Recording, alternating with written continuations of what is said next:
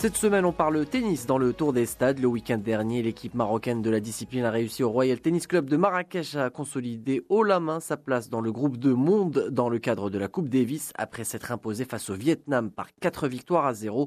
Pour nous parler de cette performance, Khalid Afif, le directeur technique au sein de la Fédération royale marocaine de la discipline, il est notre invité de ce Tour des Stades. Alors, ce qu'on peut dire sur cette rencontre, euh, il est évident que toute victoire euh, et bien pour le moral, et bien pour l'équipe nationale, pour les amateurs de la football jaune.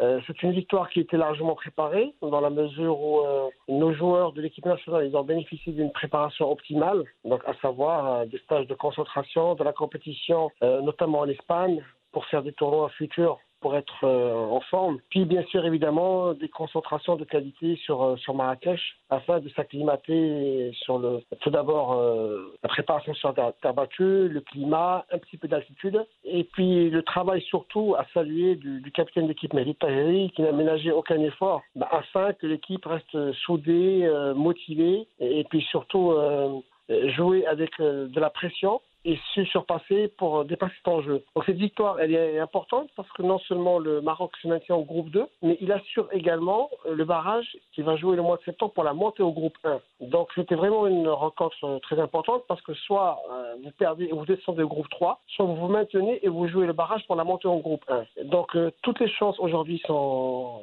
je dirais, euh, elles sont possibles. Donc l'équipe nationale, euh, donc euh, que je salue avec l'esprit qu'ils ont eu, Lamine Wahab, Anas Fattar, Moundir Adam ainsi que Beshkon Issa, donc la jeune révélation du tennis marocain qui a moins de 18 ans. Donc tous ces joueurs-là, ils étaient à la hauteur, surtout qu'on a axé ces derniers temps le travail sur le double, puisque le double fait partie aujourd'hui, fait la différence euh, dans la plus grande, je dirais, euh, compétition, euh, parce que ça permet de faire la différence et surtout ça permet d'avoir l'avantage. Cette victoire, elle est, elle est méritée.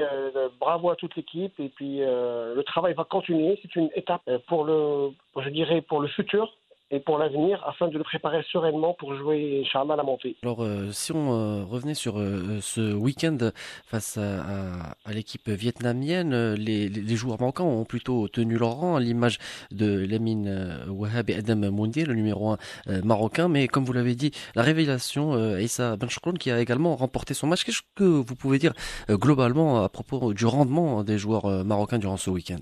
Ben, Il est certain que sur le papier, le Maroc était légèrement favori, mais néanmoins, une rencontre de Coupe Davis réserve souvent des surprises parce que bah, le match, il se joue euh, avec toujours de la pression, parce qu'on sait qu'on joue pour la nation, on joue pour le pays, et on doit donner le maximum parce qu'on est attendu euh, par les spectateurs, euh, par les amateurs du sport tout court, et puis surtout par les amateurs de la jeune. Donc il est certain qu'ils étaient vraiment à la hauteur l'équipe nationale vietnamienne n'a pas démérité. Ils ont de très très très bons joueurs. Ils sont assez solides et notamment ils l'ont montré au double où on était mené au début 4-1. Euh, on a eu à un moment donné un petit peu de doute parce que euh, si on perd le, double après, ben, tout redevient possible. Mais néanmoins, euh, l'équipe marocaine été solide. Ils savaient qu'il y avait un enjeu. Ils étaient bien préparés physiquement tactiquement et surtout mentalement. Et donc, euh, je pense que je ne peux que les saluer pour leur prestation de ce week-end. Voilà, donc une, belle prestation pour euh, les joueurs marocains dans cette euh, Coupe Davis.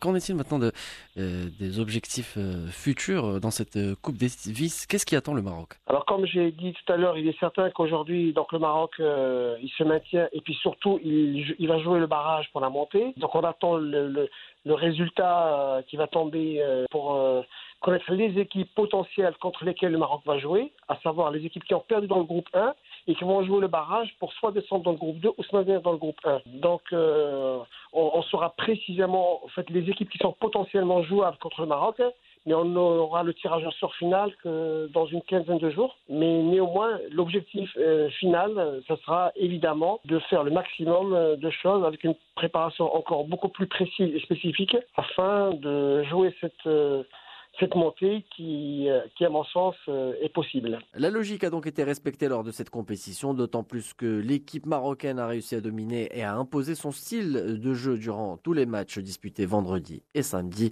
Le Maroc attend désormais son adversaire pour le barrage.